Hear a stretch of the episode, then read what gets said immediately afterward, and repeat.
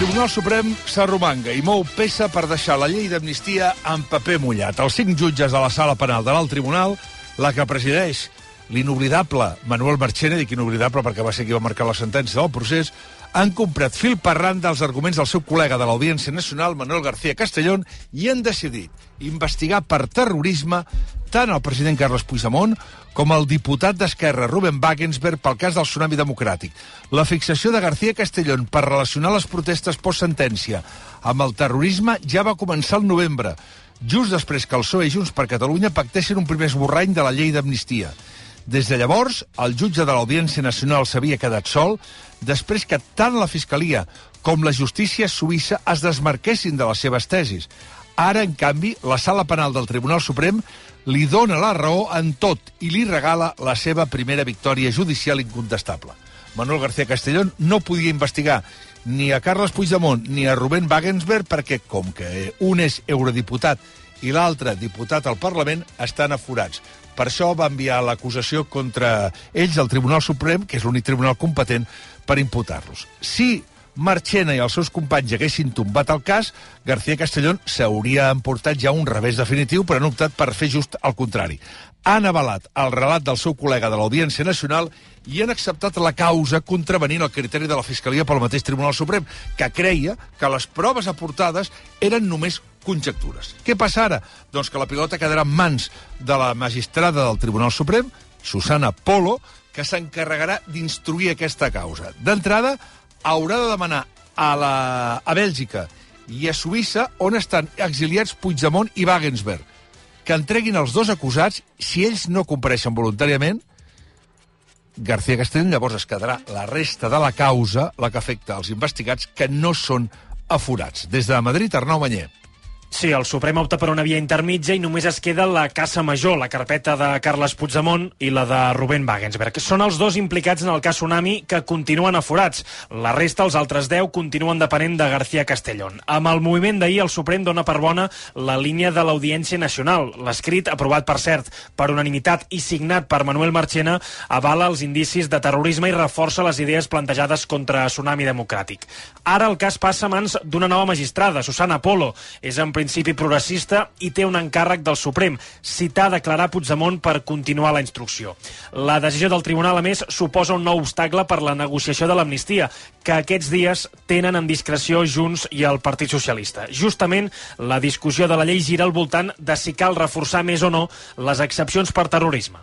El Suprem calca els arguments doncs, de García Castellón i fia tota l'acusació al mateix, el bloqueig de l'aeroport del Prat i les lesions a alguns policies.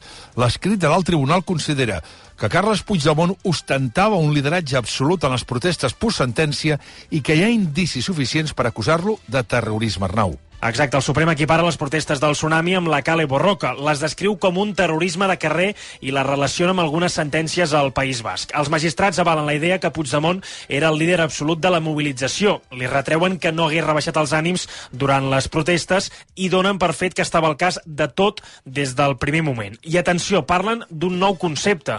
L'expresident seria l'home del darrere, és a dir, des de l'ombra controlaria les protestes independentistes. El Suprem considera que el terrorisme no és un fenomen estàtic i que, per tant, no té sentit encaixar-lo només en organitzacions com ETA o la Jihad. Per això, diuen, les mobilitzacions del 2019 podrien quadrar perfectament en aquest delicte.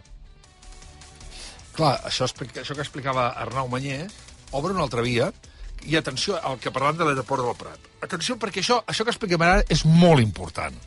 El món ha tingut accés a un dels informes que apuntala les acusacions contra Puigdemont i Wagensberg. És un document de la Guàrdia Civil que certifica que les protestes a l'aeroport del Prat van provocar la mort del turista francès que aquell dia va patir un infart.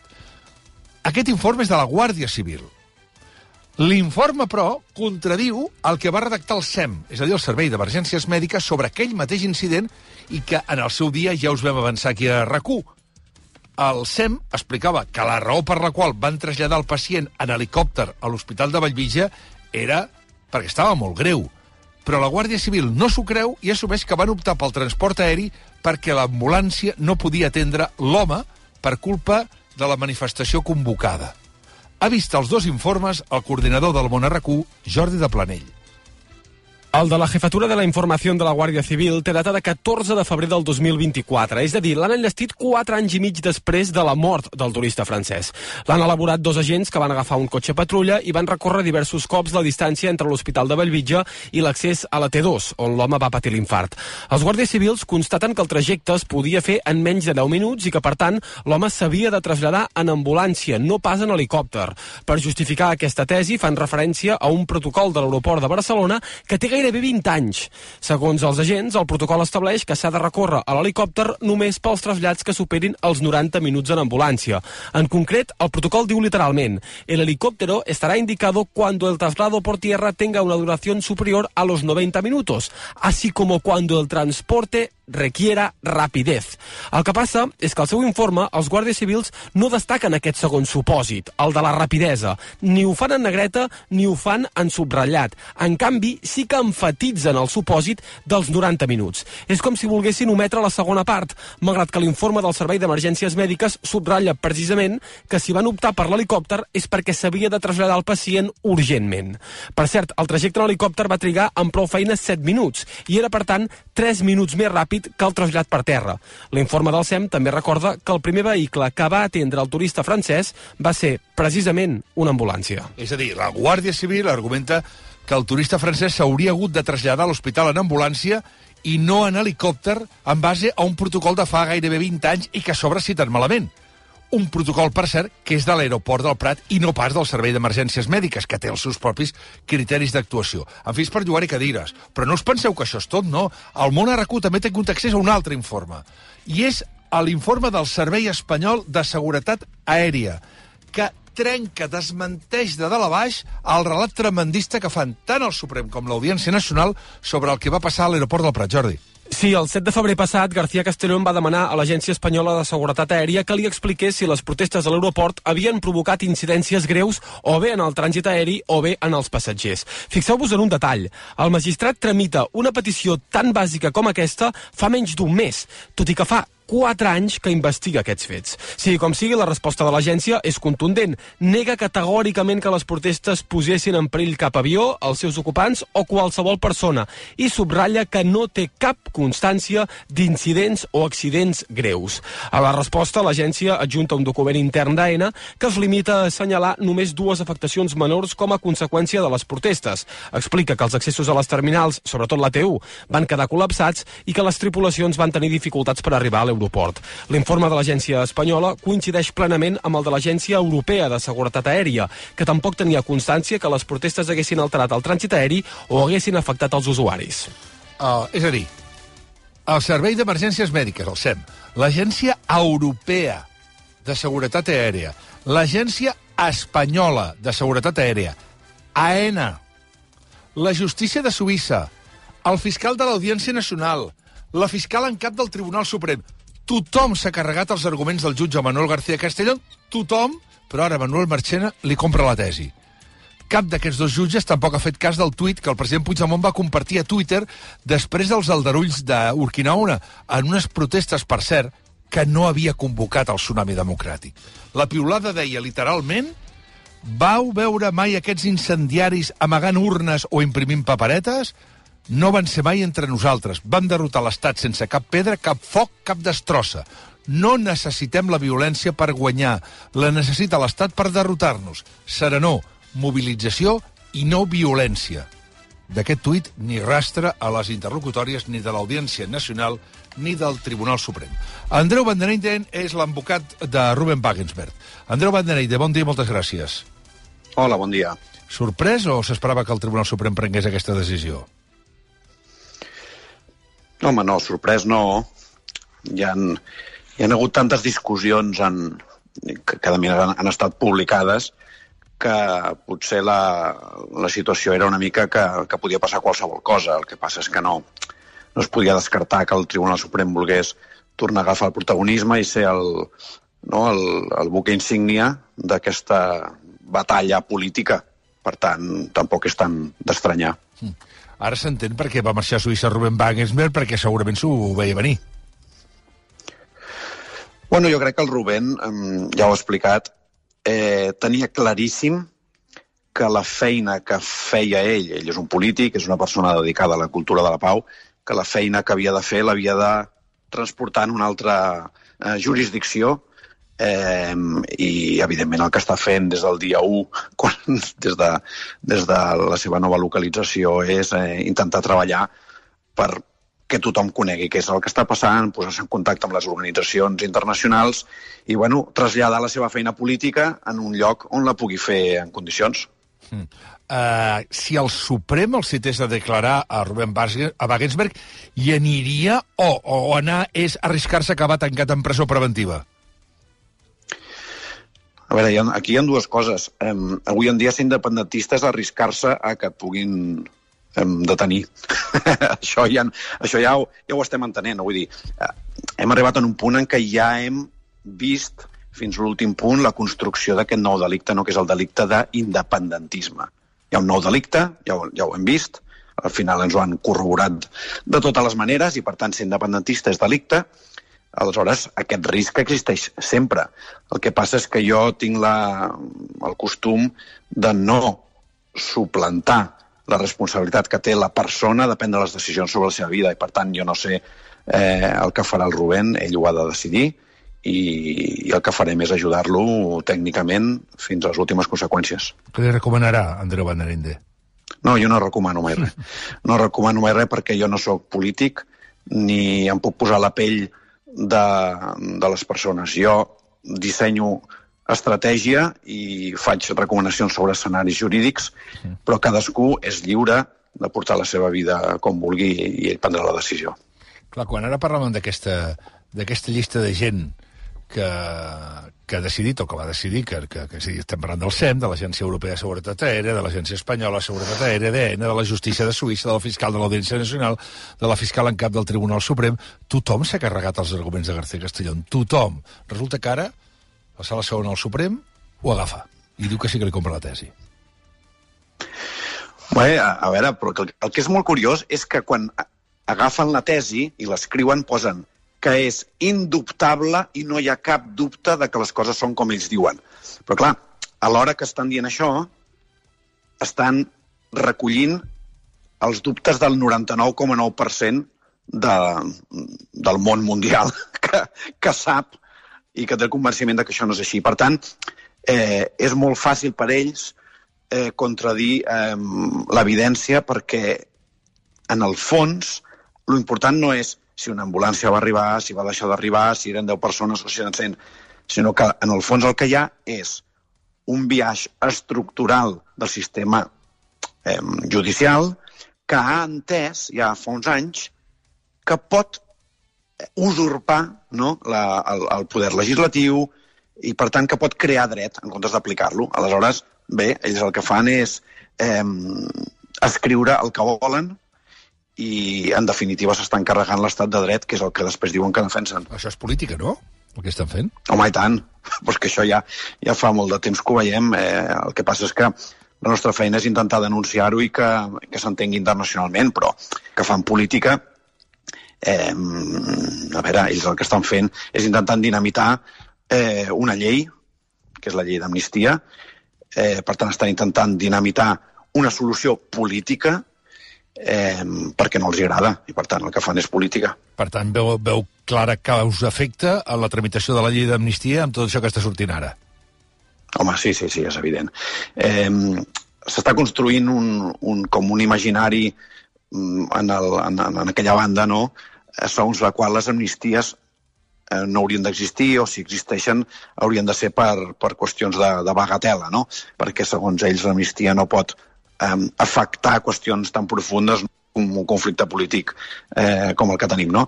Eh, bueno, ells estan construint això, estan construint la idea del terrorisme, estan construint doncs, tot aquest nou relat que faran servir per parar eh, doncs, doncs una solució política i, so, i segurament també per les seves no sé, per les seves finalitats concretes, no? Atacar el govern de torn espanyol o el que sigui. Uh, aquesta acusació de, de terrorisme, acabo ja, eh? amenacen de deixar en paper mullat la llei d'amnistia que s'està tramitant al Congrés i si estaria d'acord Andreu Banderenya, com diu el seu col·lega Gonzalo Boye, que s'hauria de retirar tota referència al terrorisme de l'amnistia per evitar precisament aquestes maniobres de García Castellón o de Manuel Marchena. A veure, jo, jo ni... Em costa molt ficar-me en, en el terreny dels que estan negociant la llei d'amnistia. Per tant, jo confio que, i el company ho sabrà millor també perquè ell està més ficat, confio que la solució política que es farà serà la millor. Vale? Eh, en tot cas, mm, suposo que la batalla jurídica serà eh, ineludible. És a dir, hi hagi el redactat que hi hagi, el Poder Judicial intentarà trobar la fórmula per oposar-s'hi. Ja ho hem vist abans, ja he anat ja dues vegades a Luxemburg, el, el dia del, de l'1 de l'aeroport. Jo era a Luxemburg i eh, en una vista en la qual tot el Tribunal Suprem i tots els fiscals del Tribunal Suprem deien una cosa i nosaltres en dèiem una altra i ens van donar la raó. Per tant, ells contradiran l'evidència les vegades que faci falta. I això ho haurem d'exportar, evidentment, a una discussió internacional, que és el que venim fent últimament, perquè ens entenguin les jurisdiccions que ens emparen. Moltes gràcies, Andreu Benderent, i molta sort. Gràcies. Gràcies. Andreu Benderent, de l'advocat Rubén Wagensberg, ens ha acompanyat aquí al món a RAC1. L'independentisme, evidentment, ja ha sortit en tromba a carregar contra el nou moviment del Tribunal Suprem defensen, com ara feia Andreu Banderende, que ni Carles Puigdemont ni Rubén Wagensberg són terroristes i creuen que el Suprem està intentant torpedinar l'amnistia. No en va la decisió arribat en el tram final de les negociacions entre Junts i el PSOE per rematar els serrells que queden de la llei. Sou converses a contrarrellotge perquè recordem que en menys de 7 dies, el dia 7 de març concretament, s'acaba el termini per arribar a un acord. Adrià Santa Susagna. Junts i Esquerra acusen la justícia de fer política, d'utilitzar-ho tot per perjudicar l'independentisme. Ara bé, cadascú amb els seus matisos. El portaveu de Junts, Josep Rius, posa el focus sobre la justícia europea, dient que aquesta es manarà la plana al Suprem. Ens preguntem si realment algú creu que a Europa creuran aquesta tercera acusació que es fa al president Puigdemont. En cap cas no es pot dir terrorisme el lliure exercici del dret de manifestació. Mentre que el president Pere Aragonès creu que això hauria de pressar Junts i el PSOE per arribar a un acord amb la llei d'amnistia. La raó última per la qual el Tribunal Suprem doncs, ha decidit eh, acusar per terrorisme el que són simples protestes doncs és per impedir la llei d'amnistia que ha de permetre passar pàgina a la repressió. Les negociacions van bé, però encara no s'ha anunciat cap acord i queden pocs dies fins al 7 de març per segellar-lo. Si no, l'amnistia quedarà en paper mullat. Ahir el president Puigdemont es feia creus que el Suprem l'investigui per terrorisme. Poc després de conèixer la notícia escrivia això a Twitter. No deixis que la realitat espatlli una bona imputació. I ho rematava escrivint el mateix dia que m'acusen d'haver rebut el regal d'un Rolex de 7.000 euros, m'imputen per terrorista. Crec que ja només falta que em surti un compte secret a Panamà. El PSOE, en canvi, encara no s'ha pronunciat oficialment, però el malestar a les files socialistes supura per tot arreu. Segons va explicar la cadena SER, ahir als passadissos del Congrés dels Diputats, alguns del PSOE admetien estar perplexos amb els tempos del Suprem. D'altres, fins i tot, deixaven comentaris molt més càustics. Convidaven el Suprem, per exemple, a muntar ja el seu propi partit polític o a seure's directament a la bancada de la dreta i de la ultradreta. Qui no necessita amagar el que pensa és el PP. Els populars ovacionen la decisió del Suprem que interpreten com un revés a Pedro Sánchez. La secretària general del PP, Cuca Gamarra, avisa als independentistes que no podran driblar la justícia espanyola. El Estado de Derecho no lo puede comprar Pedro Sánchez. Está por encima de él. Funciona nuestro país y, lógicamente, no lo podrán frenar porque es más fuerte que Pedro Sánchez, que lo único que pretende es amnistiar a aquellos de los que depende, bien sea corruptos o bien sea personas que puedan estar eh, imputados por delitos de terrorismo. A tot això, l'eurodiputada del PP, Dolors Montserrat, ja s'ha afanyat a correcuita a enviar una carta a la Comissió Europea per comunicar la decisió del Tribunal Suprem i assenyalar públicament el president Puigdemont davant dels seus col·legues europeus. De tot plegat, escoltem ara el comentari que hi posen dos col·laboradors del món a RAC1. El primer el posa l'expert en comunicació política, Joan López Alegre. La Fiscalia General de l'Estat, a l'any 2020, estava encapçalada per Lola Delgado, exministra de Justícia de Pedro Sánchez. La memòria de la Fiscalia d'aquell any qualificava l'independentisme català com a moviment violent. Què ha canviat des d'aleshores a ara perquè el fiscal general actual hagi modificat la seva opinió? Que Puigdemont ara és imprescindible perquè Sánchez sigui president del govern i abans no ho era. El Suprem no té dubte de que els fets imputats a Tsunami Democràtic són terrorisme i basa la seva afirmació en 10 sentències prèvies sobre Cale Borroca. Les lesions causades a policies, l'aïllament de la torre de control, la suspensió massiva de vols i la falsificació de bitllets d'avió suposa la vulneració de diversos articles del Codi Penal.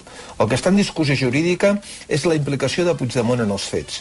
La investigació del Suprem no implica la condemna de Puigdemont. El que no es pot pretendre és que pel fet de que Puigdemont tingui un paper polític fonamental en el sosteniment de Sánchez a la Moncloa se li doni impunitat. Sánchez poder va prometre a Puigdemont el que no està al seu abast. I el segon comentari és del periodista del diari Ara i col·laboradora del món RAC1, Núria Oriols. La decisió del Suprem d'acceptar la causa de terrorisme contra Puigdemont és un clar avís a l'expresident que el Poder Judicial no està disposat a acceptar el seu retorn de l'exili. La sala penal que presideix Manuel Marchena ha mogut fitxa per deixar en paper mullat l'amnistia, almenys per a aquells que estiguin a la causa de Tsunami. I és que des del moment que el Suprem avala els indicis de terrorisme, poc hi tenen a fer altres instàncies o la Fiscalia General de l'Estat, que ha quedat desautoritzada per l'alt tribunal. De fet, la novetat respecte al 17 és que ara el Poder Judicial no només deforma el que ha passat durant el procés per castigar l'independentisme, sinó que també dispara contra la Moncloa. No ha de passar desapercebut el fragment que els jutges dediquen a Pedro Sánchez, que va dir que no hi havia hagut terrorisme a les protestes del 19. Asseguren els jutges que les afirmacions d'alguns polítics dient que només les accions d'ETA o de la jihad són terrorisme són incompatibles amb el Codi Penal. El missatge, doncs, és clar. El Suprem no només es nega a desfer el nus judicial del 17, sinó que el vol embolicar més, encara que això impliqui un xoc sense precedents entre els poders de l'Estat. I tot plegat a menys d'una setmana d'acabar el termini perquè Junts i el PSOE tanquin un acord encara inexistent sobre l'amnistia. 8 i 24 minuts, anem al segon gran tema. El cas Coldo. El PSOE intenta girar la truita i carrega contra el PP per la seva presumpta implicació en la trama després de dies d'ofensiva del PP per mirar de desestabilitzar tant com pugui la Moncloa. Qui ha passat ara a l'atac desenfrenadament és el PSOE. Des del socialisme volen saber qui és aquest tal Alberto, sense cognoms, que apareix a la informació, eh, a la interlocutòria del jutge Ismael Moreno i que insinuen que podria ser Alberto Núñez Feijó. Aquesta persona és qui hauria donat l'hoquei a obrir contactes amb la trama corrupta, unes converses que haurien anat a càrrec suposadament del portaveu parlamentari del PP, Miguel Tellado. Tellado, però, ahir ho negava tot. Yo Aunque niego no se llegara- rotundamente, aunque no se llegara a niego reunir, rotundamente se esos agendó esa contactos. reunión. En ningún caso. ¿Le llamaron para verse con No usted? hemos tenido ninguna ¿Le relación suena con el los nombre de miembros. Al- Y Alberto, ningún ¿usted caso. sospechan quién puede ser Alberto? ¿Le Nadie- suena que aparece nuestra en su memoria relación Alberto con los Núñez miembros Feijóo? de la trama es aquí. Ara bé, quina és la relació exacta eh, que té el PP amb el cas Coldo? Doncs segons l'informe del jutge que porta el cas, que s'ha fet públic després que s'hagi aixecat el secret de sumari, els populars haurien ajudat Coldo García i a la resta d'empresaris implicats a la trama a no haver de pagar els 2,6 milions d'euros que el reclamava el govern de les Illes Balears. Era una compensació que l'administració, que liderada per Francina Armengol, exigia per incompliment del contracte de les mascaretes. Però els implicats en la trama no van ser conscients que exigia aquesta reclamació fins l'octubre del 2023, de l'any passat, quan el PP ja havia guanyat les eleccions. Per això van contactar amb els populars. Segons tots els informes d'aquest cas, Coldo els va assegurar que el PP estava disposat a passar pàgina i fins i tot els va arribar a dir que havia quedat amb Miguel Tellado i amb aquest tal Alberto. En una de les trucades que es van punxar, fins i tot, aquest home assegurava que tenia una cita a la seu del carrer Gènova, és a dir, la seu del PP, tot i que la Guàrdia Civil no ho va poder contrastar. Set dies més tard, Coldo va afegir que el tema de l'expedient de les Illes Balears ja estava més que fet i que eh, ho, havia, ho havia aconseguit solucionar a canvi d'un altre favor. Després, segons el que llegim a l'interlocutòria, el Partit Popular va permetre que l'expedient caduqués i, eh, per tant, que tots aquests responsables de la trama no haguessin de pagar aquests 2,6 milions d'euros. Tot i això, avui el diari El Mundo porta una altra informació que posa en entredit la gestió que va fer el govern de la Balear, el govern de Francina Armengol, del cas de les mascaretes defectuoses. Segons El Mundo, van fer-me un aval per escrit assegurant que les mascaretes que havien comprat eren, atenció deia, plenament satisfactòries, quan ja sabien tots els implicats que eren clarament inservibles. De fet, en aquell moment ja les havien retirat del mercat perquè eren evidents que eren de molt mala qualitat. A l'escrit asseguraven que no havien tingut cap incidència amb aquesta empresa coneguda com Soluciones de Gestió. Tot plegat, doncs, complica encara més tot aquest cas, el cas mm, que ja ha estat batejat com el cas Coldo, Eh, per resumir-ho, la part de la investigació de l'Audiència Nacional que s'ha filtrat aquests dies dona a entendre que la trama corrupta contactava amb qui va ser ministre José Luis Ábalos perquè intermediés amb el govern de les Illes Balears, però que quan el Partit Popular va guanyar les eleccions a les Illes, els mateixos implicats es van posar en contacte amb la seu del PP a Gènova, i específicament amb aquest senyor Miguel Tellado. I au, això no ha fet més que motivar un pim-pam-pum entre el PP i el PSOE, entre el PSOE i el PP, que s'acusen mútuament d'amagar informació els uns als altres i els altres als uns i tots plegats a la societat. Des de Madrid, Jordi Armenteres. Sí, acusacions creuades que ja són entre Maria Jesús Montero i Alberto Núñez Feijó, i això demostra que el cas té molta més importància de la que inicialment es va pressuposar. La vicepresidenta de Sánchez i número 2 del PSOE ahir va sortir exigint al PP que destapi qui és l'Alberto. Lo que sí tiene que explicar hoy el Partido Popular es si realmente el señor Tellado se reunió con estos empresarios o se reunió con el señor Coldo y qué era lo que hablaron y qué tipo de negociaciones llevaron a cabo.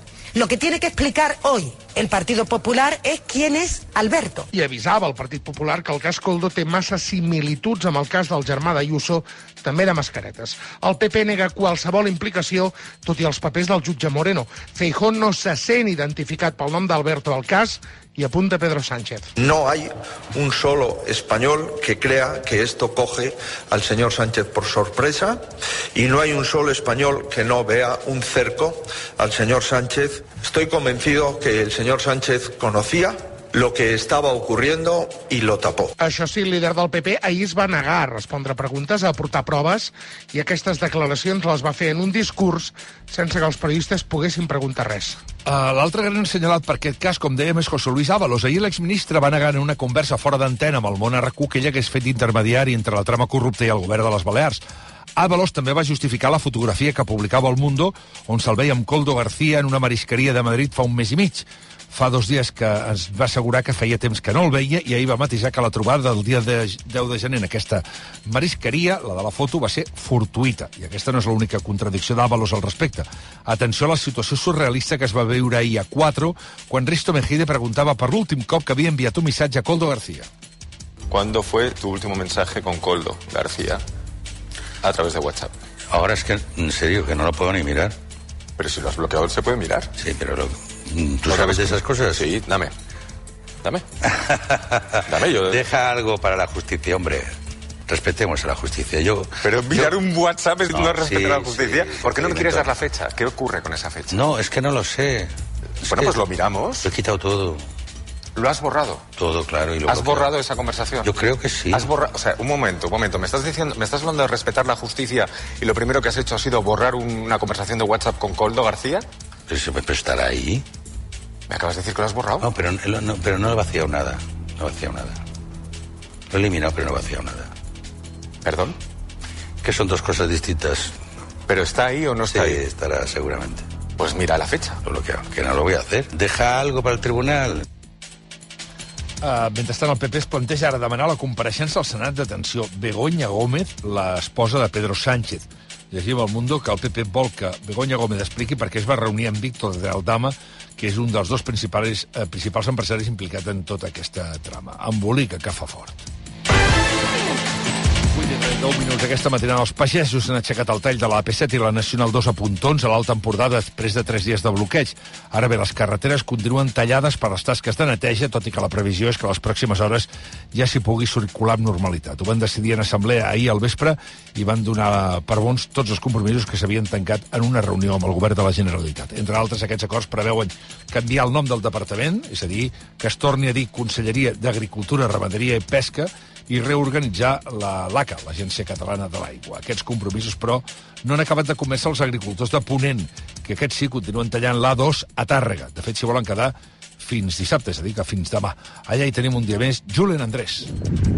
El grup que no ha dormit ja ha marxat a descansar i han arribat els relleus i encara queden més perquè els pagesos marxaran demà al migdia. Avui, a més, sumen a la mobilització dues mules. Hi ha menys tractors que ahir, és cert, però també els pagesos ens han comentat que segurament molts vindran amb cotxe.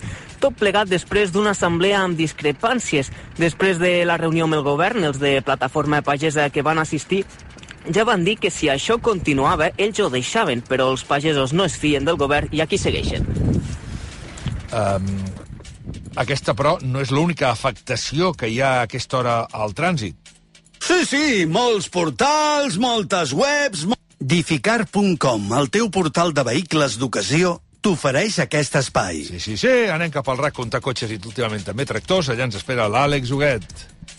Molt bon dia. Doncs sí, es treballa encara per netejar la via després de les mobilitzacions a l'AP7 a Puntós i continua encara tallada, generant trams de congestió els trams d'aquests dies a l'N2 i la C31 prop del Far de l'Empordà en sentit sud o fins a Navata a la C26 per manifestacions. El tall més destacat és la 2 entre Vilagrassa i Tàrrega que provoca congestió al tram de la Nacional. Més enllà d'això, destaquem una incidència a l'A2 al tram d'Abrera en sentit Barcelona on s'han apartat els vehicles al voral i també afecta l'enllaç des de la C55 amb molta lentitud ara a aquesta hora. Retencions habituals a la resta de vies, com la P7 a Barberà del Vallès i a Sant Cugat, l'accés a Barcelona per la B23 des de Sant Just d'Esvern, avui més lent a aquest tram, i les rondes menys plenes que la resta de la setmana, però amb congestió en sentit Llobregat, sobretot a la litoral entre el Fòrum i la Ciutadella, i en sentit nord força ple també el tram de la zona franca i Montjuïc. És tot des del RAC, molt bon dia. Bon dia, Àlex Huguet. Tot plegat, com dèiem, es va resoldre i anirà bé pel trànsit, tenint en compte que els pagesos al, al nord de Catalunya han tallat, havien tallat uh, l'AP7, doncs amb un cap de setmana com aquest, uh, anirà bé. I, com dèiem, es va resoldre després d'una reunió de pràcticament 4 hores, que ara resumeix Jordi Claret. Va ser una trobada clau i que va posar a cara a cara una vintena de representants del sector entre membres de Revolta Pagesa, JAR, Cooperatives Agràries i Unió de Pagesos amb el conseller David Mascort. La reunió va donar els seus fruits. Acció Climàtica va acceptar fins a cinc propostes que es van signar de manera conjunta i una altra només amb Revolta Pagesa. D'una banda, el departament es va comprometre a repetir la trobada d'ahir de manera continuada i va anunciar que donaran veu a les organitzacions presents al ple monogràfic de la setmana que ve. Pel que fa a les ajudes, van prometre que arribaran més ràpid i que es destinaran 3 milions d'euros més al regadiu. Un dels punts que ha destacat el coordinador general d'Unió de Pagesos, Joan Cavall. Un ajut complementari d'uns 200 euros més per hectàrea a les zones de regadiu perquè quedaven eh, infravalorades amb el que l'ajuda que havia acabat sortint segons la normativa europea. Uns 3 milions d'euros més per als pagesos del Canal d'Urgell, Sagarra Garrigues, Tert i Muga. El conseller Mascort també va cedir pel que fa al canvi de nom del departament, tot i que es mantindrà el terme d'acció climàtica i va prometre a Revolta Pagesa que hi haurà canvis a l'Agència Catalana de l'Aigua que afavoriran el sector. Sí, sí, molts portals, moltes webs, molts concessionaris, però al final el tracte, les facilitats i allò que necessitava a l'hora de trobar un cotxe només ho he aconseguit a edificar.com. No t'ho creus? Prova-ho, prova-ho! edificar.com. I si fa falta, te'l portem personalment fins a casa. La sequera complica la vida als pagesos, però també als bombers. La falta de pluges ha deixat els boscos de Catalunya en una situació límit i a sobre també limiten els recursos que tenen els equips d'extinció d'incendis.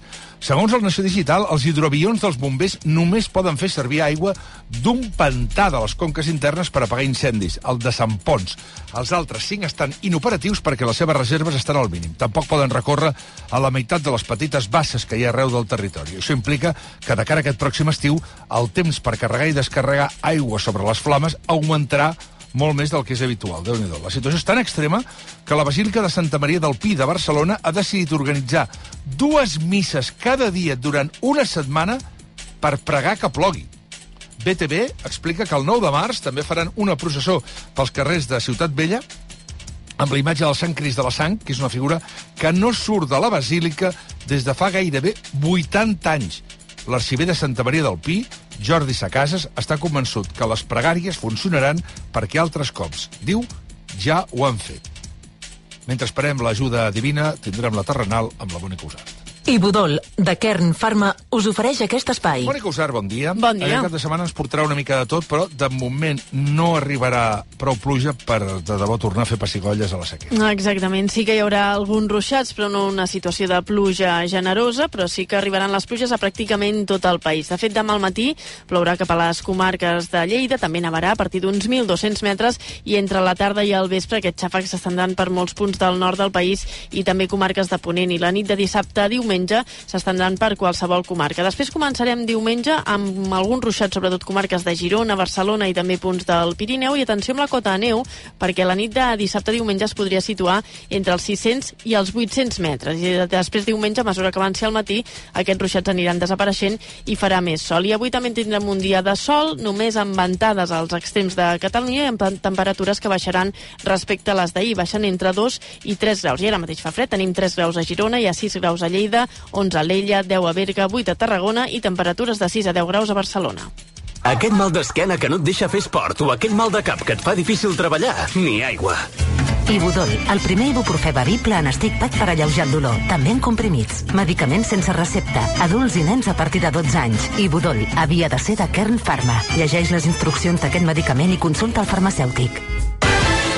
8 i 38 minuts, el Mobile World Congress supera qualsevol previsió. Arriba, atenció, eh, als 101.000 assistents i, evidentment, ha de buscar espai per poder créixer l'any que ve. Mentre no estigui fet el nou pavelló zero, que s'està construint al costat mateix del recinte, la Fira, Fira Barcelona, no descarta que l'any que ve una part del Mobile s'hagi de tornar a fer a Montjuïc, és a dir, a la plaça Espanya de Barcelona. Té més dades la Montse Martí. Tot i això, costarà trobar algú que hi vulgui anar, perquè el Congrés Four Years From Now, que es feia abans al recinte firal de plaça Espanya, li ha anat molt bé ser a Gran Via i ha crescut exponencialment des que es fa al mateix lloc que el Mobile. El director general de Fira, Constantí Serrallonga, diu que hi estan treballant. Buscarem fórmules, diguem-ne, de construccions temporals, eh, allà on puguem, per guanyar espai real i ens farà falta, perquè ja ens ha anunciat la GSMA doncs, que, que es necessiten espai. Ho parlarem. No és descartable que puguem fer alguna cosa amb Montjuïc en absolut. No està decidit i el que té l'última paraula amb això serà la GSMA. 101.000 congressistes és per sobre dels 88.000 de l'any passat, tot i que no s'ha arribat als 109.000 d'abans de la pandèmia, però s'han superat les previsions que tenia GSMA per l'edició d'aquest any. Entre les xifres també s'especifica que el 26% dels assistents han estat dones. La pròxima edició del Congrés Mundial dels Mòbils es farà una setmana més tard, la primera de març, del 3 al 6 de març del 2025. Tot i que no ha superat la xifra rècord d'assistència d'abans de la pandèmia del coronavirus, en un comunicat el màxim responsable del Mobile, John Hoffman, l'ha definit com la millor edició de la història. Les 107 empreses que s'han exposat a l'estand de la Generalitat han generat més de 18 milions d'euros de volum de negoci, segons els càlculs del govern, que ha apuntat que un de cada quatre assistents ha passat pels estants de les empreses catalanes en aquesta edició. Atenció a la nova tècnica de reclutament de la Marina dels Estats Units. Llegim al diari que aquesta branca de l'exèrcit nord-americà, la Marina, ha posat en marxa una unitat de eSports. És a dir, tenen soldats jugant a videojocs com el Fortnite o el Call of Duty. Per què? La versió oficial, segons el diari, que ha obtingut aquesta eh, informació amb una petició de transparència a la Casa Blanca, és que busquen apropar-se i inspirar el jovent dels Estats Units, però realment ho estarien fent servir per analitzar les aptituds dels nens en jocs d'estratègia i d'aquesta manera, si els veuen potencial, guanyar-se la seva simpatia jugant amb ells per internet per després poder-los fitxar per la Marina. I una investigació del diari britànic The Guardian ha descobert qui hi ha al darrere de l'aplicació Cloth Off. Potser pel nom no us tingueu ni idea de què es tracta, però és una eina que s'utilitza per crear imatges amb intel·ligència artificial de dones, i en alguns casos nenes, despullades. De fet, és aquella que van fer servir diversos menors en el cas del Mendralejo, a Badajoz, que fa uns mesos van fer córrer per un institut desenes d'imatges falses de nenes eh, nues. El diari ha revelat que els responsables de l'APP són dos germans de Bielorússia, una noia i un noi de 25 i 30 anys que viuen a Minsk. Cap d'ells ha volgut confirmar que hi estava al darrere. L'Stiver de Gref es dona per vençut i finalment vendrà l'edifici que té Andorra. És l'immoble on viu una dona gran que intentava desnonar per terra, mar i aire sense escrúpols. El youtuber ha llançat la tovallola després que dimecres el Tribunal Superior de Justícia d'Andorra donés la raó a la dona i deixés clar que no la poden fer fora de casa. En un directe a Twitch, l'streamer va carregar contra la decisió judicial, però va confirmar que ja ha arribat un acord per vendre's tot el bloc. Yo este edificio lo estoy vendiendo. No sé si soy gilipollas después de todo lo que he tragado y después de todo lo que está pasando de vender el edificio. Pero es que lo último que quiero, tío, son problemas. O sea, porque es muy duro, tío. Es muy duro ver como algo que no es verdad, afecta a tus proyectos, afecta a tus relaciones con las marcas, afecta a tu imagen pública y tú no, has hecho nada. Eso es muy jodido, chavales. Ara bé, tot que nega que la sentència es correspongui la realitat, De Gref també va assegurar que no la recorrerà perquè, segons ell, no val la pena. I la Junta de Castella i Lleó, governada pel PP i Vox, ha declarat bé d'interès cultural un monument de Burgos que homenatja els soldats italians que van ajudar les tropes franquistes durant la Guerra Civil. És l'anomenada eh, piràmide dels italians, una estructura de formigó de 20 metres que el govern de Castella i Lleó vol blindar de la llei de la memòria històrica que persegueix les construccions que exaltin la sublevació militar i la dictadura. Llegim al país que l'Associació per la Recuperació de la Memòria Històrica vol denunciar davant la Fiscalia el conseller de Cultura de la Junta, que és de Vox, per prevaricació administrativa. Avui la imatge que de portada de molts diaris és la massacre de l'exèrcit d'Israel a Gaza, en què haurien mort més d'un centenar de palestins, almenys amb el que es veu en aquesta imatge. Va passar ahir a un punt de repartiment d'aliments quan més d'un miler de persones s'hi apropaven buscant menjar. També hi va haver més de 700 ferits. L'exèrcit d'Israel ha reconegut que va obrir foc quan la multitud es va apropar a diversos camions amb ajuda humanitària, tot i que defensen que la majoria de persones van morir a causa de la llau que es va formar quan es van començar a sentir els trets. Els soldats que vigilaven els vehicles defensen que es van sentir greument amenaçats quan van quedar envoltats i que per aquest motiu no van tenir cap opció més que obrir foc.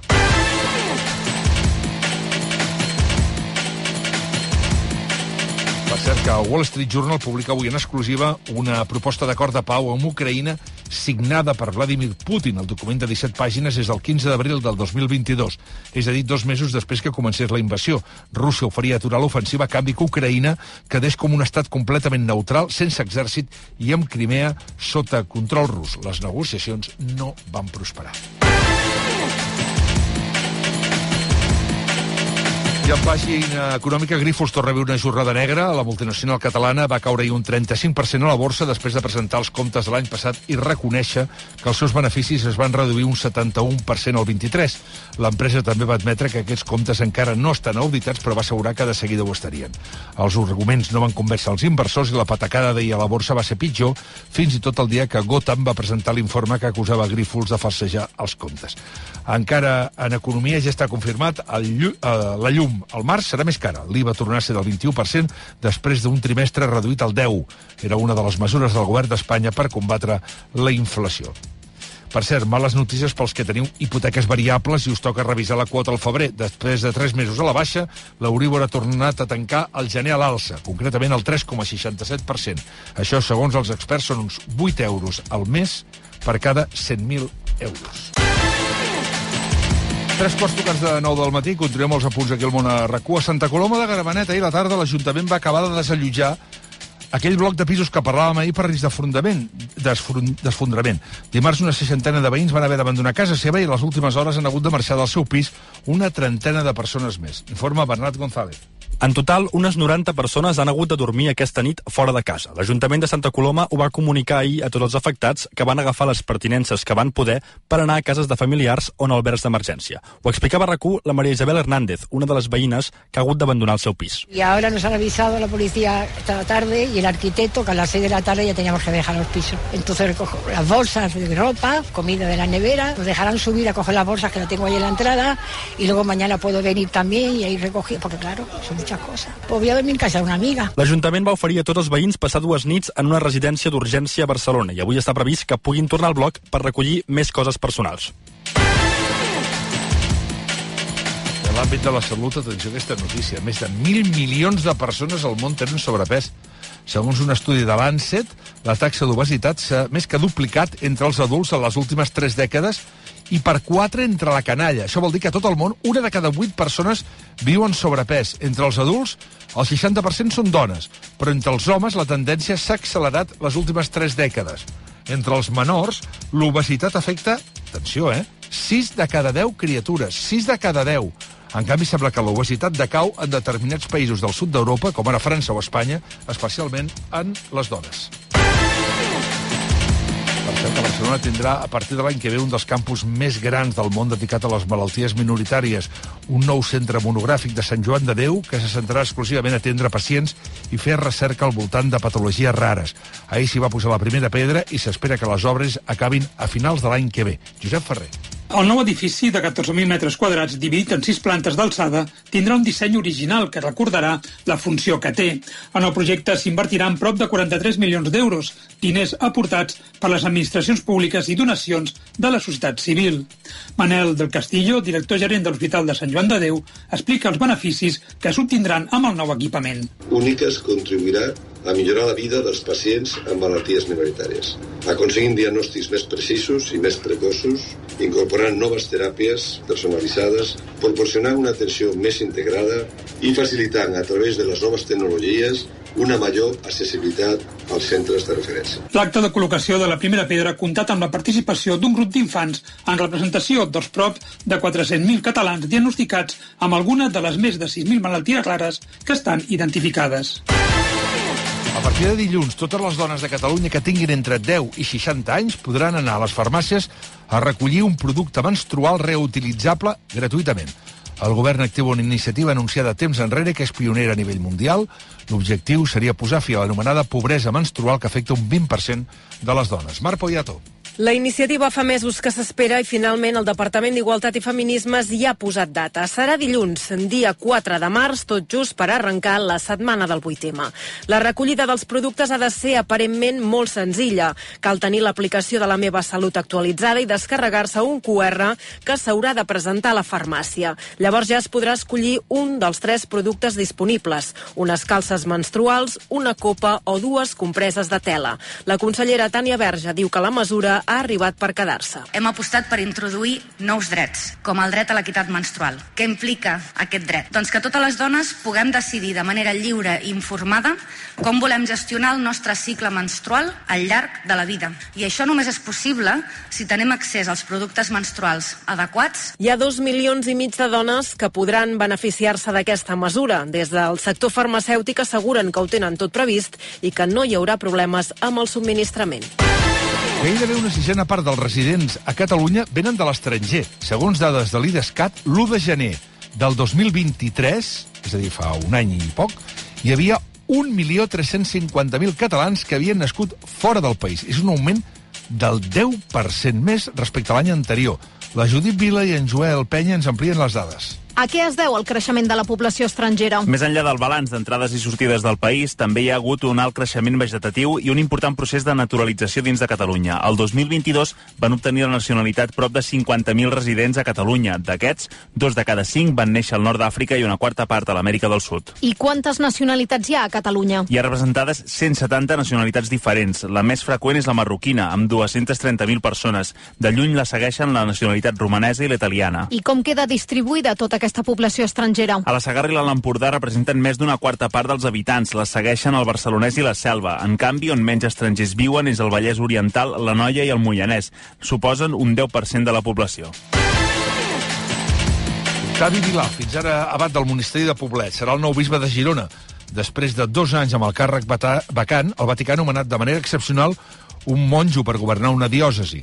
Octavi Vilà, de 63 anys, és historiador i bibliotecari de formació i té un marcat perfil intel·lectual, social i catalanista. Prendrà possessió el dia 21 d'abril. La situació insòlita que s'ha viscut aquesta nit a la final de la segona edició del programa televisiu Gran Hermano Duo. Telecinco no ha pogut proclamar un guanyador per culpa d'un problema tècnic amb el sistema de votació de l'aplicació de Mitele. Així ho comunicava la presentadora Marta Flick davant la sorpresa de tots els presents, sobretot de Lucía i Arraf, que eren els dos finalistes d'aquest Gran Hermano Duo. Hemos decidido tomar una medida extraordinaria. Atención, esta noche no proclamamos, no proclamamos ganador. Lo haremos el domingo en una gala especial. Por lo tanto, ampliamos la votación hasta el domingo. El problema s'ha detectat poc abans de les dues de la matinada, perquè si alguna cosa tenen aquests programes és que se sap l'hora que comença, però no sap mai quan s'acaba. I això era a les dues de la matinada, quan s'havien de tancar les línies i conèixer el guanyador. Llavors sembla que l'aplicació per votar ha col·lapsat, com que l'últim cop que s'havia fet el recompte la situació entre els dos finalistes era pràcticament d'empat, el programa ha decidit posposar el desenllaç del reality aquest diumenge 3 de març. És a dir, més audiència. Avui s'estrena a Netflix la pel·lícula documental No estás sola, la lucha contra la manada. Estaba sentado un chico y me dijo, ¿has venido tú sola? ¡Viva San Fermín! Hola, Sos. Estamos con una chica que nos ha contado que ha sufrido una agresión sexual. El documental analitza de la mà de testimonis claus la violació múltiple a les festes de Sant Fermín del 2016. Avui al Món RQ parlarem amb una de les testimonis que apareix en aquest documental. De debò que és un documental que, tot i que, com l'altre dia comentaven tant l'Alejandra Palés com el Pere Solagin Ferrer, no aporta cap novetat al cas, sí que és un documental molt recomanable, com avui feia la Gemma Herrero aquí al món a RAC1, molt recomanable perquè apareixen moltes veus, moltes veus, i veus la realitat del que va passar. Però n'apareixen algunes molt interessants. Una que a molta gent ens va sorprendre perquè ni recordàvem i gairebé desconeixíem el cas. El de la Nagore Lafage, una jove assassinada durant també unes festes de Sant Fermín l'any 2008. Avui parlarem amb l'Assun Casasola, que és la mare de la Nagore, d'aquesta noia morta, assassinada.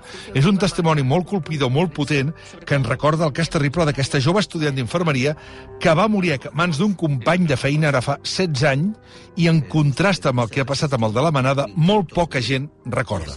Avui, a partir d'un quart, dos quarts d'onze, en parlarem amb la mare de la jove, assassinada, Assun Casasola. Als cinemes, avui s'estrena la segona part de Dune. It's okay. I'm here. I'm here. Timothée Chalamet i Zendaya protagonitzen l'esperada seqüela de Dune. Austin Butler, Florence Pugh i Javier Bardem completen un repartiment estel·lar que ha estat, avui si llegiu les crítiques dels diaris, és pràcticament unànimes. És una pel·lícula magnífica, excepcional. Ja l'ha vist també el crític de cinema del món RQ, Toni Vall.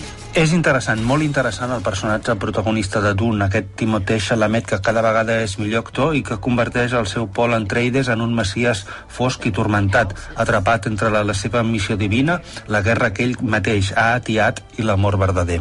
Denis Villeneuve ens suggereix perfums bíblics, una terra promesa que ha sigut usurpada, un imperi contra el que lluitar a vida o mort i un desert, que és molt més que un paisatge, és un estat de l'ànima. Des dels deu manaments a la Guerra de les Galàxies, un percep referents i imaginari rere les imatges de Villeneuve. Potser és un amb Paul Thomas Anderson i Christopher Nolan els cineastes nord-americans mainstream més connectats amb l'art entès com a recerca d'històries, personatges i obres realment profundes. El díptic de Dune és enlluernador per la seva estètica i perfecció tècnica al servei d'una història de recerca de coneixement, una paràbola sobre el poder, sobre el territori, la guerra, la pertinença i l'extinció. Voleu més pistes sobre les seves connexions amb el món d'avui? I a sales també s'estrena Dream Scenario amb Nicolas Cage. Why does the zebra look the way it does? És la comèdia de terror que va clausurar l'última edició de Sitges i que explica la història d'un home que ha de fer front a una fama sobtada perquè sense saber-ho apareix als somnis de tothom. I Ethan Cohen dirigeix Dos xiques a la fuga, Hello, girls! Una road movie que segueix el viatge pels Estats Units de dues amigues d'universitat. I el dia que comença una nova edició del Festival de Cinema de Màlaga i ho fa amb rècord de representants catalans, una cinquantena entre curts, documentals i llargmetratges. Entre les trenes més destacades hi passaran les noves pel·lícules de directors com Isaac i la Cuesta, Maria Ripoll o Quique Maillo, i també la nova cinta protagonitzada per David Verdaguer, després de guanyar el Goya. De fet, el film que donarà el tret de sortida aquesta nit al festival també té accent català. Ya nadie recuerda los tiempos oscuros És cuando... Dragon Keeper, guardiana de dragones, el nou film d'animació del barceloní Salvador Simó. Enviat especial de RAC1 al Festival de Màlaga, Eudal Martínez. Bon dia. Si després de sorprendre el 2019 amb Buñuel en el laberinto de les tortugues, Salvador Simó torna a l'animació amb Dragon Keeper, guardiana de dragones, una proposta pensada pel públic més infantil i ambientada en la Xina imperial. A més d'obrir el festival aquesta nit, la cinta serà una de les 18 propostes que optarà a la Biznaga d'Or a la millor pel·lícula. Haurà de competir en propostes com Segundo Premio, nou film d'Isaki La Cuesta, centrat en la banda de rock Los Planetas, La Casa d'Àlex Montoya i amb David Verdaguer com a protagonista, o Tratamos demasiado bien a las mujeres, amb Carmen Machi i Antonio de la Torre al capdavant del repartiment. Més enllà de la secció competitiva, però també hi haurà propostes catalanes interessants, des de la nova cinta de Quique Maillo sobre la història del grup Locomia, la nova sèrie de José Corbacho o el documental sobre la trajectòria trajectòria meteòrica de la banda Stay Homes. I, per cert, que ja es pot veure el tràiler de Mano de Hierro. 40 años llevo en el puerto y han Un cambiado. thriller que protagonitzen Eduard Fernández, el Chino Darín, Enric Auqué i Jaime Lorente, i que s'estrena a Netflix el pròxim dia 15. Ambientada a Barcelona, explica els secrets d'una xarxa de narcos que opera al port de la, de la ciutat. Afegim encara que ha mort amb 92 anys l'últim dels germans Taviani, que quedava viu Paolo, que fa gairebé 50 anys va filmar amb el seu germà Vittorio un dels grans clàssics i molt polèmics del cinema italià, Padre Patrone. Sono venuto a riprenderlo, mi serve a governare le pecore e custodirle. Aquesta història sobre la relació d'un pastor estricte amb el seu fill va guanyar l'any 77 la Palma d'Or a Canes. Els germans Taviani també van dirigir altres títols com La Notte di San Lorenzo, que també es van dur el Premi del Jurat de Canes l'any 82, o César ha de morir, amb la que van guanyar un altre os de Berlín, un altre os d'or al Festival de Berlín de l'any 2012. I a les 9 del matí avui es publica l'esperat disc d'en Guillem Gisbert, el cantant de Manel. Em deia la masurca, em deia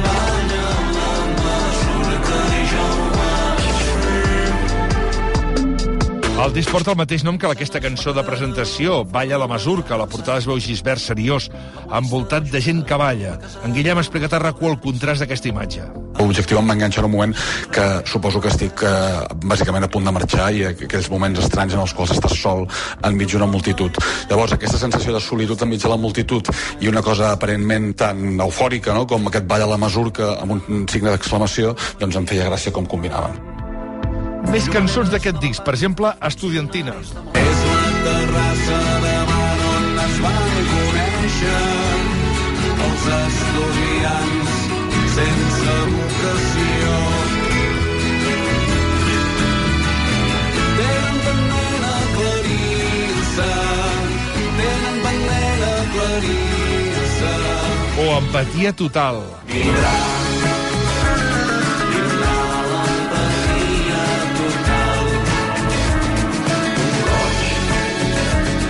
O un altre que recorda els primers discos de Manel, Les aventures del general Lluna.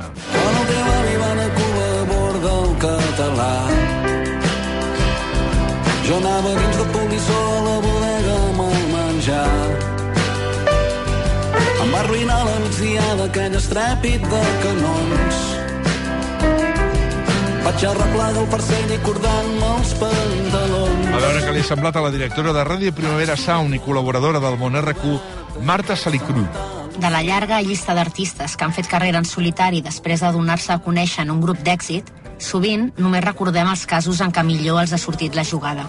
Canviar un projecte que funciona per un que té tots els números per funcionar és un risc que Guillem Gisbert ha volgut córrer per canviar el color de les seves cançons.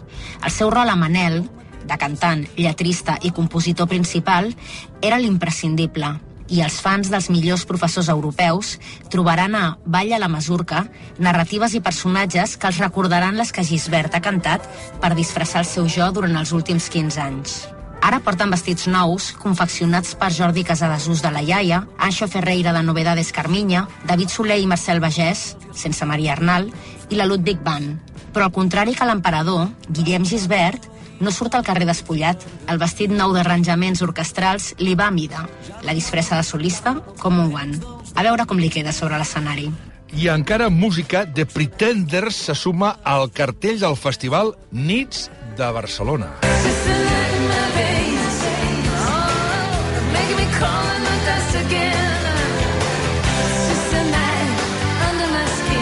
Banda actuarà als Jardins de Pedralbes l'1 de juliol per presentar el seu 14è disc. I atenció, perquè també s'ha afegit a la programació d'en Peus, tothom d'en Peus, Rufus Wainwright.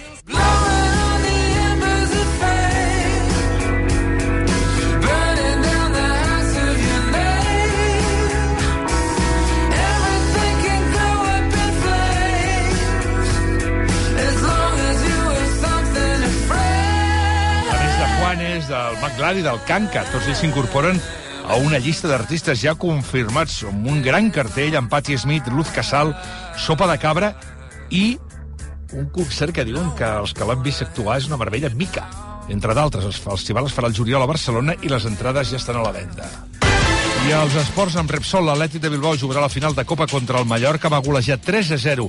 L'Atlètic de Madrid va fer encara millor el 0-1 de l'anada i el 6 d'abril serà a la Cartuja de Sevilla la gran final. De retruc, tant l'Atlètic de Bilbao com el Mallorca també s'asseguren jugar a la Supercopa d'Espanya l'any que ve a l'Aràbia Saudita. Les altres dues places seran dos pels dos primers classificats de la Lliga, de moment el Madrid i el Girona.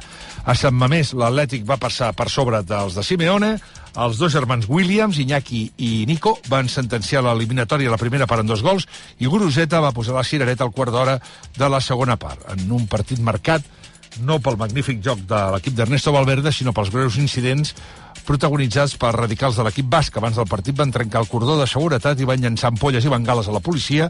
Els aldarulls va acabar amb tres ferits i dos aficionats de l'Atlètic de Madrid a l'hospital. Avui també és molt interessant el que publica el Mundo Deportivo aquest matí. El Barça va refusar dues ofertes per Ronald Araujo valorades en 90 milions d'euros, les dues del Bayern de Munic. Van arribar aquest gener, la primera era de 70 fixos, més 20 en variables, i la segona de 80 més 10 però el Barça les va refusar perquè considera que el central és intransferible i, de fet, el que volen és renovar-lo més enllà del 2026. El dia que comença la jornada 27 de primera divisió amb un Celta Almeria a les 9 i a partir d'aquí, demà també a les 9 partidars, València, Reial Madrid en el retorn de Vinícius. A Mestalla i diumenge Mallorca-Girona a quarts de set de la tarda, mentre que a les 9 de la nit partidars a Sant Mamés Atlètic de Bilbao, Barça, el gran partit de la jornada. I a segona, demà l'Espanyol rep l'Osca, un quart de cinc de la tarda, com sempre, tot, tot, tot en directe a rac Per cert, ahir us explicàvem que l'àrbitre del València Real Madrid serà Gil Manzano. Fins ahir, l'estremeny no havia estat protagonista en cap dels vídeos de Real Madrid Televisió, però ja ha canviat. Ahir es va estrenar i ara ja en té un. Evidentment, la televisió del Real Madrid l'ha deixat verd. En el seu cas, denuncia que fa 3 anys, precisament a Vestalla, l'àrbitre va xiular-li 3 penals en contra del Real Madrid en un mateix partit. Temporada 2020-2021, jornada 9. El Real Madrid visitaba Mestalla con Gil Manzano en el campo e Iglesias Villanueva en el bar. Y por primera vez en la historia, pitaron tres penaltis en contra del Real Madrid en un mismo partido. Jesús Gil Manzano arbitrará el Valencia-Real Madrid. El colegiado, que precisamente en Mestalla, pitó tres penaltis en contra del equipo madridista. Uh, mentrestant, a Itàlia, Paul Pogba recorrerà la sanció de 4 anys sense jugar per haver donat positiu en testosterona. El futbolista anirà al Tribunal d'Arbitratge de l'Esport per dir, perquè diu que mai no ha consumit premeditadament cap substància prohibida. Per cert, que avui Ricky Rubio podria redebutar amb el Barça a dos quarts de nou del vespre directe a RAC més 1. El Barça rep el Mónaco a l'Eurolliga. D'altra banda, ahir el Real Madrid va perdre el primer partit de la temporada a casa en aquesta competició. Derrota d'11 punts contra el Panathinaikos. I a l'Eurocup femenina, l'Unigirona s'ha classificat per les semifinals després d'eliminar el Galatasaray. El seu rival serà o el Latas de França o el Besiktas d'Istanbul. L'anada dijous que ve fora de casa i la tornada a Fontejau el 14 de març. I atenció perquè de, cap de setmana, ole, comença el Mundial de Fórmula 1 amb el Gran Premi de Bahrain. De manera extraordinària, la cursa és demà dissabte a les 4 de la tarda, per cert, en directe també aquí a Superesports, en aquest cas de rac I estem a les portes un cap de setmana ple d'activitats esportives per no perdre'n res, com tots els divendres, Esport i Tele amb l'Albert Pedrol. Futbol de primera, el València a Madrid el fan per Movistar Plus, el partit del Girona per Movistar la Liga TV2 i el del Barça per Movistar la Liga TV. A segona, l'Espanyol Osca el fan per la Liga TV Hypermotion. A Anglaterra, diumenge a dos quarts de cinc de la tarda, el partit de la jornada derbi de Manchester City United per Dazón 1. A l'Eurolliga de bàsquet, avui a dos quarts de nou, Barça a Mònaco per Movistar Plus. A l'ACB, demà a les 6, Baxi Manresa Camp Múrcia i a tres quarts de nou, Joventut Breogán, els dos per Movistar Deportes 2. I diumenge a dos quarts d'una del migdia, Girona Obradoiro i a dos quarts de set, Barça Saragossa, els dos per Movistar Deportes. I en Fórmula 1, Gran Premi de Bahrain, avui a les 5 la classificació i demà a les 4 la cursa per Dazón Fórmula 1. Contractar la llum amb Repsol estalviant els proveïments. Contractar la llum amb Repsol estalviant els proveïments. Contractar la llum amb Repsol... Però què estàs fent? Contractar la llum amb Repsol. Perquè m'estalviaré 20 cèntims per litre cada vegada que faré benzina durant 12 mesos pagant amb Wilet. Contracta la llum amb Repsol al 950 52 50 o a Repsol.es i encén l'estalvi. I en 30 segons acabem aquests apunts aquí al món a i comença la tertúlia, com tots els divendres. Ernest Fol, Cristina Puig, Glòria Serra, Jordi Bosch. És l'hora de pujar al tren de la notícia Renfe. Si vols conèixer tota la informació d'última hora de l'estat dels serveis de Rodalies de Catalunya, consulta-ho a través de les apps i web rodaliesdecatalunya.cat i renfe.com o bé als telèfons d'informació 941 0041 i 912 320 320.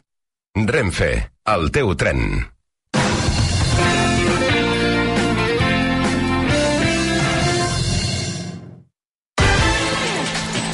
I acabem aquests apunts aquí al món a RAC1 parlant d'un casament d'allò més bucòlics, un d'aquells enllaços que tots els nuvis somiarien.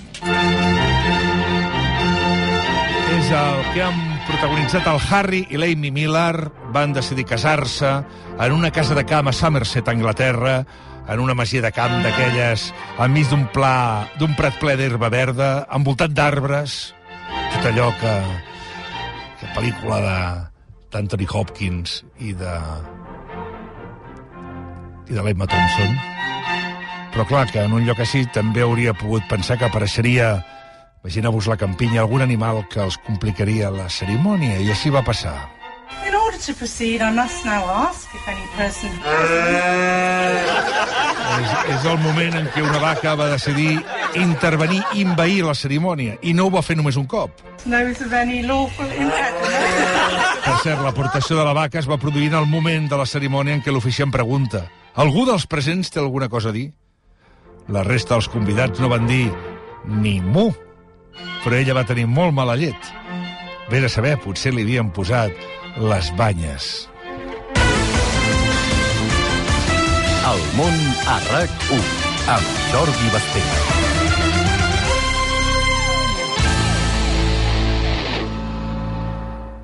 A CaixaBank sabem la importància de tenir algú a prop.